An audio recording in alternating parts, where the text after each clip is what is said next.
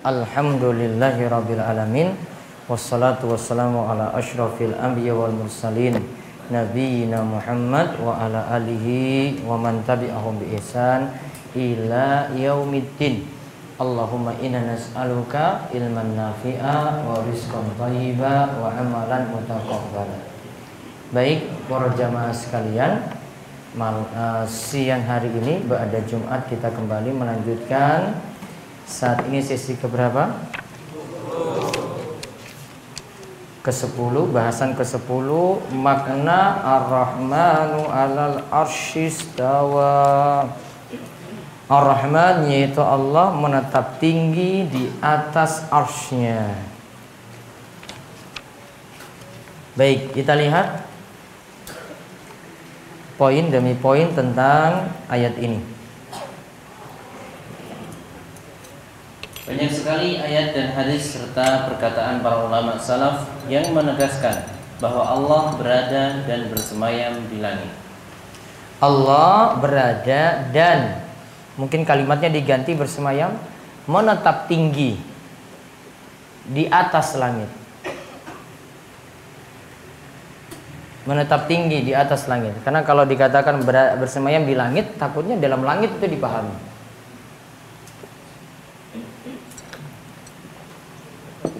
Allah berada dan menetap tinggi di atas langit sana. Nah, mulai dari ayat tadi Ar-Rahman wa 'alal arsyistawa, kita akan lihat lagi ayat-ayat yang lainnya. Ayo dibaca nomor satu. Firman Allah Subhanahu wa taala, "Ilaihi yas'adul kalimu at-thayyibu wal 'amalus salihu yarfa'u." Kepadanya lah perkataan-perkataan yang baik naik dan amal-amal saleh itu dinaikkan. Al-Fatir ayat 10. Ilaihi yas'adul kalimut thayyibu wal 'amalus salihu yarfa'u. Kepada Allah lah perkataan-perkataan yang baik itu naik dan amal-amal soleh itu dinaikkan. Naik berarti dari sesuatu yang bawa ke atas. Ayat ini nggak bisa diingkari. Allah di mana-mana nggak mungkin ini. Iya kan?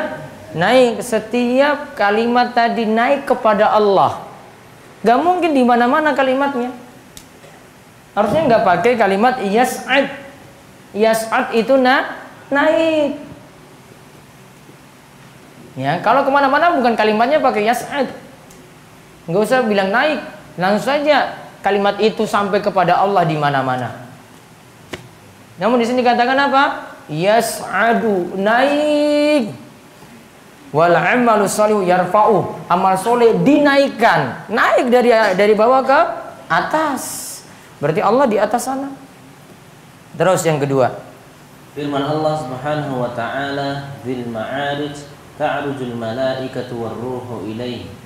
Yang mempunyai tangga-tangga untuk naik malaikat-malaikat dan Jibril naik menghadap Tuhan. Al-Ma'arij 3 sampai 4. Zil Ma'arij yang punya tangga-tangga untuk na naik. Ta'rujul malaikatu warruhu ilaihi. Malaikat-malaikat dan Jibril juga naik ilaihi. Naik menghadap Allah. Naik dari bawah ke atas. Kalau kalimatnya Allah itu di mana-mana, harusnya nggak kayak gini ayatnya. Nggak bisa ingkari lagi. Saya pernah dengar seorang kiai itu ini ingkari ayat-ayat seperti ini loh. Nggak mau diartikan kayak gitu.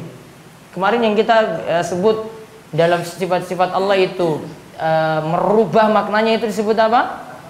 Takwil. Dia entah takwil atau entah taktil di situ, menolak takwil merubah, ta'til itu menolak. Terus firman Allah lagi. Firman Allah Subhanahu wa taala, "Sabbihisma rabbikal a'la." Sucikanlah nama Tuhanmu yang maha tinggi. Sabbihisma rabbikal a'la. Quran surat Al-A'la ayat 1.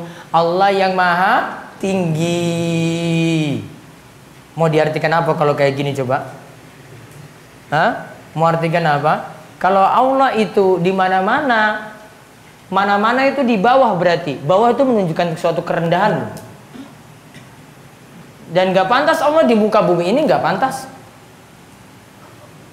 Harus tetapkan tinggi di atas seluruh makhluknya. Dan kalau tempatkan di muka bumi ini, Allah bukan lagi Allahu Akbar. Iya kan? Mana konsekuensinya Allahu Akbar itu?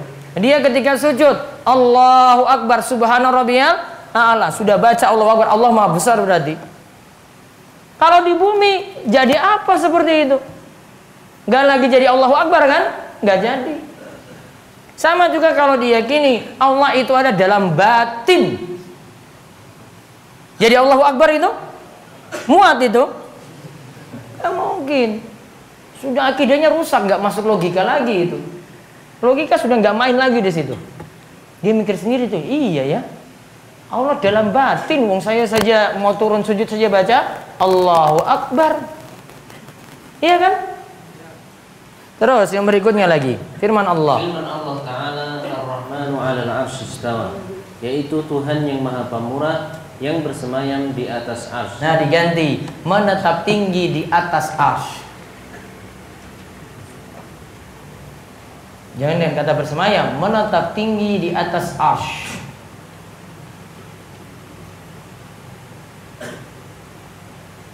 Dan ingat, ars itu makhluk Allah yang paling besar. Allah sendiri? Allah sendiri gimana? Lebih kecil daripada ars? Ayo coba gimana? Kalau ars itu makhluk Allah yang paling besar, berarti Allah gimana? Allahu Akbar min kulli kabir. Allah lebih besar daripada sesuatu yang besar. Berarti ars kalah. Kalau ars itu makhluk Allah yang paling besar, berarti dibandingkan dengan bumi gimana coba? Hmm, bukan kecil lagi. Seperti dilemparkannya itu cincin di padang pasir. Padang pasir itu luas sekali. Cuma kayak cincin aja, apalagi manusianya. Namun manusia sombongnya bukan main.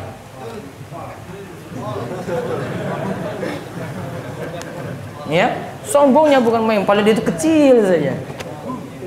Mau bandingkan dengan ars itu coba. Kecil saja.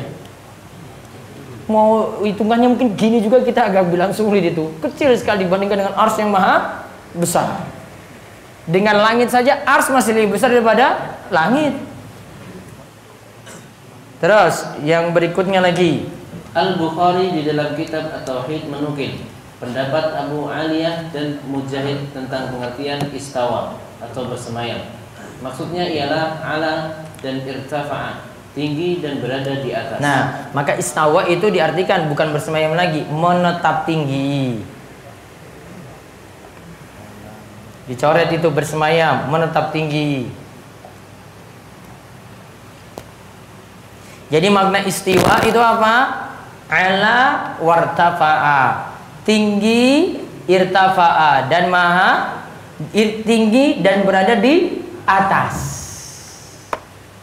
Terus nomor 6. Rasulullah Shallallahu alaihi wasallam pada saat haji wada pernah berkhutbah menyeru manusia. Hai, bukankah aku telah menyampaikan? Mereka menjawab, "Ya, benar." Lalu beliau mengangkat dan menunjukkan jari-jarinya ke atas. Kemudian beliau mengarahkan jari-jarinya ke arah manusia lalu berkata, "Wahai Allah, sesikanlah." Nah, wahai Allah sesikanlah. Terus hadis Hadis ini diriwayatkan oleh Muslim. Beliau tunjuk seperti ini, Allahumma syhad. Sambil nunjuk Allahumma kan berarti nunjuk di atas. Ya Allah saksikanlah, nunjuk ke atas. Kalau seandainya Allah di mana-mana harus nunjuk gini, ya Allah, ishad, Allahumma syhad. Namun tunjuk apa tadi? Yarfa'u usbu'ahu ila sama, ngangkat jarinya ke atas. Karena kalau Allah di batin juga gimana? Ini, nunjuk. Allahumma syhad iya kan? Iya. Namun nunjuk ke atas ini. Berarti Allah di atas sana. Terus yang ketujuh. Rasulullah Shallallahu Alaihi Wasallam bersabda sesungguhnya Allah sebelum dia menciptakan makhluknya telah menulis sesungguhnya rahmatku mendahului murkaku dan tulisan tersebut terdapat di sisinya di atas ars. Hadis ini diriwayatkan oleh Al Bukhari Inna Allah kataba kitaban qabla an khalqa. Inna rahmati sabaqat ghadabi fa huwa maktubun indahu faqan arsy. Sesungguhnya Allah sebelum Allah menciptakan makhluknya telah telah menulis sesungguhnya rahmatku mendahului murkaku. Berarti rahmat Allah itu luas. Yang punya banyak dosa kalau benar-benar bertobat pada Allah, Allah akan ampuni. Allah dahului rahmatnya dulu, dahulukan rahmatnya dibanding murkanya. Berarti rahmat Allah itu begitu luas. Walaupun Allah juga punya sifat murka, namun Allah dahulukan rahmatnya dulu, baru murkanya. Berarti kasih sayang Allah itu lebih banyak daripada siksanya. Dan tulisan tersebut terdapat di sisinya di atas ars. Fauqal ars, di atas ars. Berarti Allah di atas sana. Sekarang nomor 8 lagi. Rasulullah Shallallahu Alaihi Wasallam bersabda, Apakah kalian tidak percaya kepadaku? Padahal aku adalah orang kepercayaan zat yang ada di langit. Setiap pagi dan sore hari kabar dari langit datang kepadaku. Hadis ini muttafaqun alaih. Lihat. Ala ta'manuni wa ana aminu man fis sama ya'tini khabarus sama'i sabahan wa masaan. Apa kalian tidak percaya kepadaku padahal aku adalah yang dipercayai oleh Allah yang ada di langit sana. Setiap pagi dan sore hari kabar dari langit datang kepadaku. Dari langit dikatakan, bukan dari mana? Lain lagi nomor 9. Auza'i berkata, kami dan banyak dari kalangan tabi'in berpendapat, sesungguhnya Allah yang Maha Agung berada di atas arsy dan kami beriman kepada sifat-sifatnya sebagaimana yang tersebut di dalam sunnah Rasulullah Sallallahu Alaihi Wasallam. Hadis ini diriwayatkan oleh Imam Baihaqi dengan sanad sahih dalam Fathul Bari disebutkan Inna Allah jalla zikru fauqa arshihi wa nu'minu bima waradat bihi sunnah min sifatihi. Allah itu maha tinggi di atas arsnya. Kami mengimaninya sebagaimana ditetapkan dalam as-sunnah dari sifat-sifat semacam itu. Ya, jadi ini dari Imam Al-Auza'i. Sekarang lihat nomor 10, Imam Syafi'i. Imamnya rujukan orang Indonesia ini. Kalau masih ngeyel dengan nomor 10 ini juga keterlaluan. Lihat nomor 10. Imam Syafi'i berkata, sesungguhnya Allah bersemayam di atas ars langitnya. Dia akan mendekati makhluknya bila dia menghendaki dan dia akan turun ke langit dunia bila dia menghendaki pulang. Nah, diganti bersemayam dengan apa tadi? Menetap tinggi. Allah innallaha ta'ala ala arsy fis samaihi. Allah itu berada di atas arsnya, menetap tinggi di atas arsnya. Fis samaihi, di atas langit sana. Allah dekat dengan hambanya kaifa syaa. Sebagaimana yang Allah kehendaki. Wa anallah yanzilu ila sama'i dunya kaifa syaa Allah turun ke langit dunia juga semau Allah. Sekehendak Allah. Menunjukkan Allah di sana. Di atas sana. Imam Syafi'i juga seperti itu. Jadi kalau pengikut Syafi'i tidak yakini ini berarti menyelisih pendapat imamnya sendiri. Ada nggak kayak gitu? Ada. Jadi kalau ada kiai-kiai di negeri kita ini nyelisih perkataan Imam Syafi'i ini, oh berarti dia nggak Syafi'i tulen. Cuma ngikut dalam fikih saja. Cuma ngikut saja nanti kalau kunut subuh saja. Namun kalau yang ini nggak mau pakai. Wah saya nggak percaya itu dari Imam Syafi'i. Ini Imam Syafi'i yang bilang. Ya, ini nukilan dari Imam Syafi'i. Diyakini itu. Jangan ambil sebagian, tinggalkan sebagian. Enggak Syafi'i tulen berarti itu. Terus yang ke-11. Imam Abu Hanifah berkata, barang siapa mengatakan Aku tidak tahu apakah Tuhanku berada di langit atau di bumi, maka kafirlah dia. Sebab Allah Subhanahu wa taala berfirman, Ar-Rahmanu 'alal 'arsy istawa, yaitu Tuhan yang Maha Pemurah yang bersemayam di atas ars. Nah, diganti menetap tinggi lagi bersemayam itu. Barang siapa mengatakan, "Aku tidak tahu Allah itu di mana." Allah di mana? Ah, saya tidak tahu. Saya tidak tahu itu di langit dan di bumi. Imam Abu Hanifah katakan kafir orang itu. Dia ingkari ayat ini. Ingkari surat Toha ayat 5. Dan ars itu dan ars Allah itu berada di atas tujuh langit. Jika seseorang mengatakan bahwasanya Allah berada di atas ars, tetapi dia berkata, saya tidak tahu apakah ars itu berada di langit atau di bumi, maka kafirlah dia. Sebab dia telah mengingkari kalau ars berada di atas langit. Barang siapa mengingkari bahwa ars berada di atas langit, maka kafirlah dia. Karena sesungguhnya Allah berada di tempat yang paling tinggi di atas tempat-tempat yang tinggi dia dia dimintai permohonan dari tempatnya yang paling tinggi, bukan dari tempat yang paling bawah. Nah, lihat. Allah itu berada di tempat yang paling tinggi di atas tempat-tempat yang tinggi. Allah dimintai permohonan dari tempatnya yang paling tinggi bukan dari tempat yang paling bawah. Nah, kalimat dari kata karena ke bawah sampai akhir itu digaris bawahi. Jadi Allah dimintai itu Allah berada di atas sana. Maka doa kita itu angkat tangan seperti ini. Ya Allah, kabulkanlah doa-doaku ya Allah. Arsnya di mana? Di atas tujuh langit itu. Di atasnya lagi. Kalau ditanya ars itu di mana nggak tahu, ya. Tapi dia berkata saya tidak tahu ars itu berada di langit, di langit ataukah di bumi. Kafir dia. Karena nanti konsekuensinya dia juga tidak tahu Allah itu berada di atas sana. Berarti keimanan seperti ini penting untuk dipelajari. 12. Imam Malik pernah ditanya tentang bagaimana cara bersemayamnya Allah di atas ars. Dia menjawab, tentang bersemayamnya Allah itu sudah maklum adanya. Akan tetapi, bagaimana cara dia bersemayam kita tidak perlu mengetahuinya. Mengimani bersemayamnya Allah adalah wajib. Akan tetapi, mempertanyakannya baga mempertanyakan bagaimana cara dia bersemayam termasuk bid'ah. Usullah tukang bid'ah ini. Nah, lihat, Imam Malik itu pernah ditanya tentang kaifiyah istiwa. Ditanya tentang takif.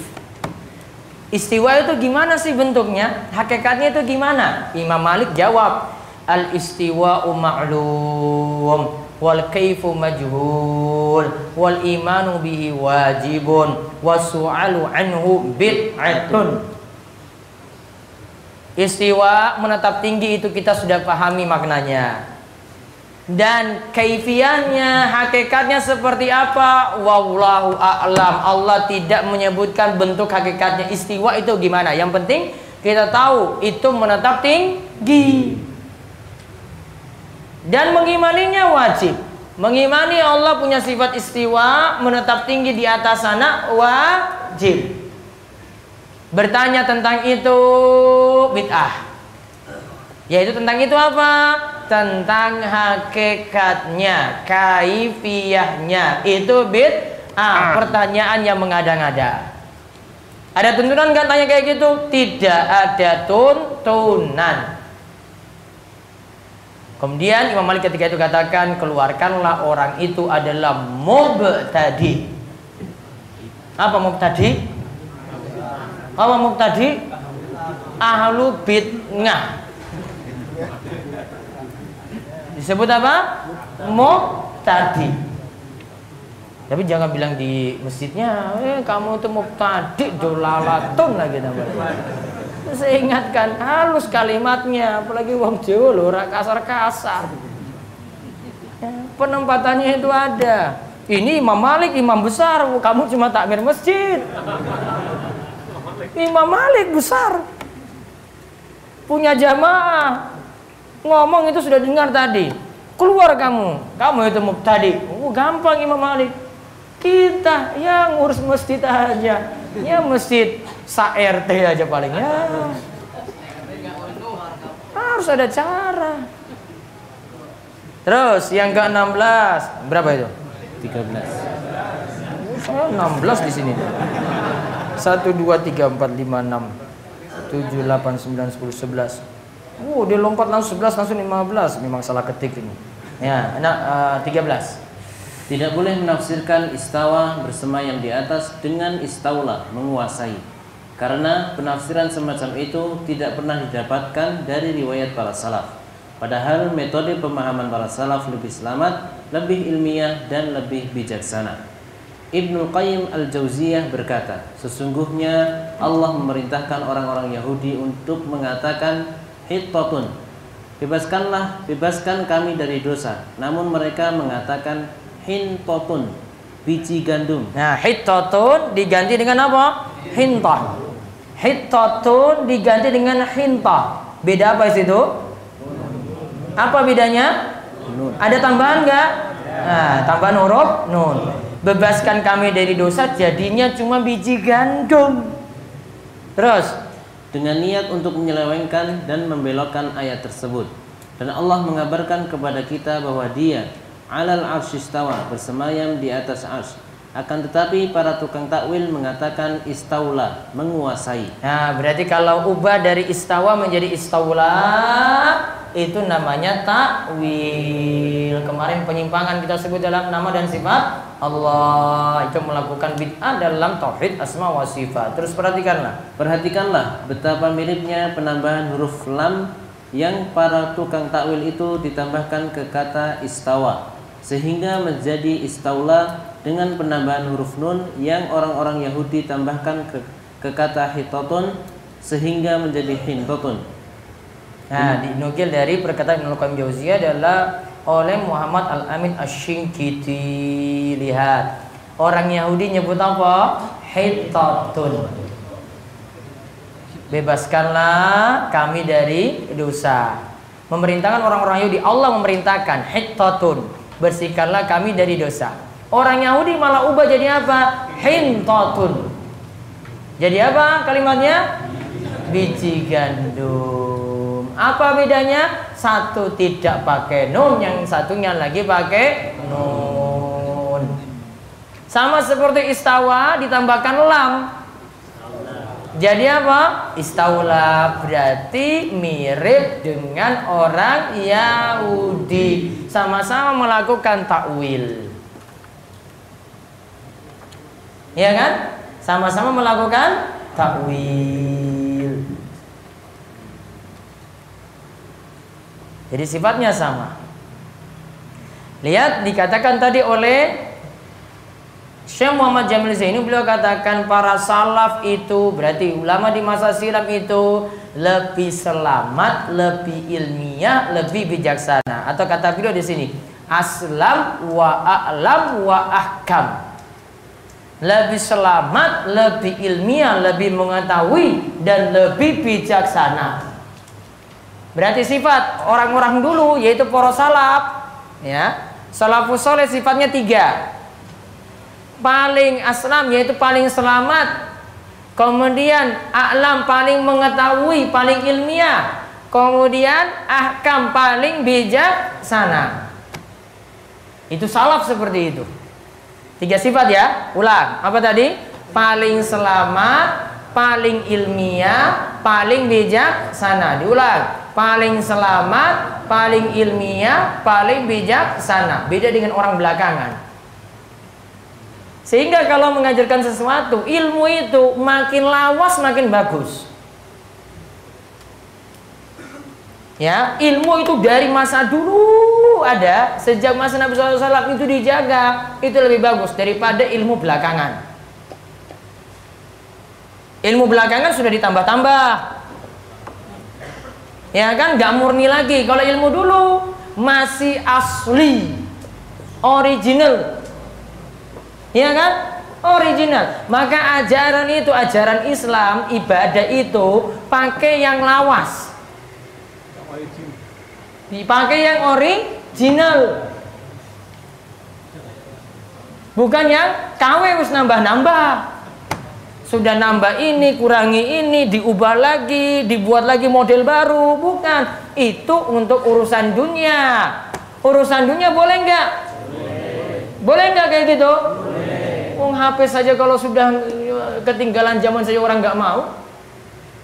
Ya toh mas mas ada yang masih pakai Nokia di sini yang mas mas ini mas-mas loh bukan simba-simba. Nggak ada malu itu kayak gitu. Masa saya angkat telepon Nokia yang harus Android. Oh, simba aja pakai Android saya ki WA ini arah Pak Mir itu coba lihat. Luar ada buka itu kalau eh, urusan dunia urusan teknologi pakai yang mbak baru. Bukan pakai yang lama Itu dipamerkan coba lihat.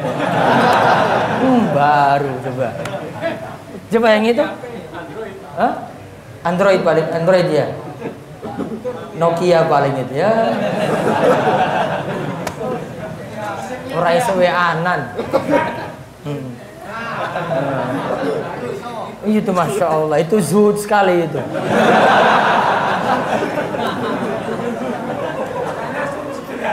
Iya sederhana itu, itu nggak macam-macam itu.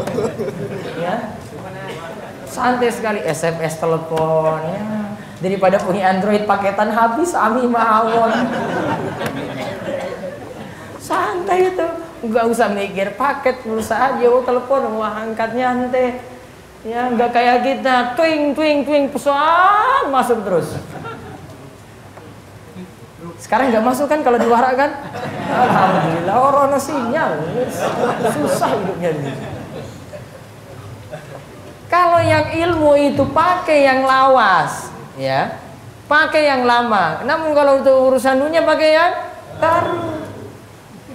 Kalau urusan untuk ini, ya, untuk belajar ibadah, ilmu, ya, pakai dari salaf karena mereka itu paling aslam a'lam wa ahkam. Aslam a'lam wa ahkam. Paling selamat paling ilmiah paling bijaksana.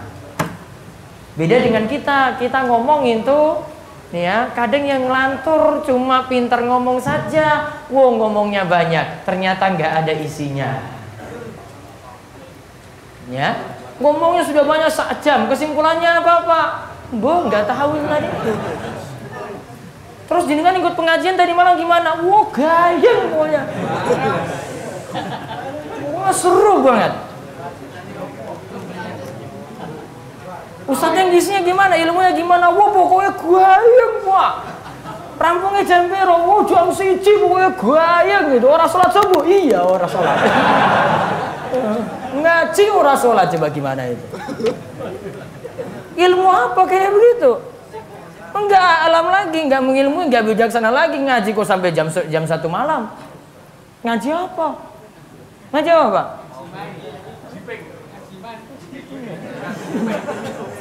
Ngaji kok sampai jam siji. Saya heran kalau ada pengajian rampungnya jam siji loh itu. Satu paling paling itu jam 10 itu sudah luar biasa itu nggak mau lagi saya. Setengah 10 paling ini. Nggak kuat itu jamaah. Kok sampai jam siji loh coba itu. Kita nggak ada sifat alam lagi, nggak tahu ahkam lagi ketika itu. Iya kan? Ya, orang saat ini seperti itu. Cuma ngomong saja, ilmunya apa? Oh, cuma guyon saya dari awal sampai akhir.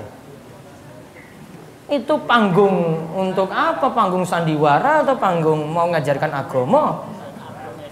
Jamaah nggak dapat ilmu, sholat nggak diajarkan, guyon, wae cerita, wae. Iya toh? Yang penting gayeng kan kalau sekarang-sekarang kan. Iya. Kan kalau yang ngomong tuh pakai dalil-dalil itu orang payu itu. Wah, ada lucu-lucunya nggak ada. Wah sudah nggak usah diundang lagi. Nggak ada lucunya. Ilmu sekarang ini kayak gitu. Nggak ada ilmu, nggak ahkam juga, nggak bijak sana. Coba salaf dulu gimana? Tiga. Aslam, wa a'lam, wa ahkam. Paling selamat, paling ilmiah dalil-dalil.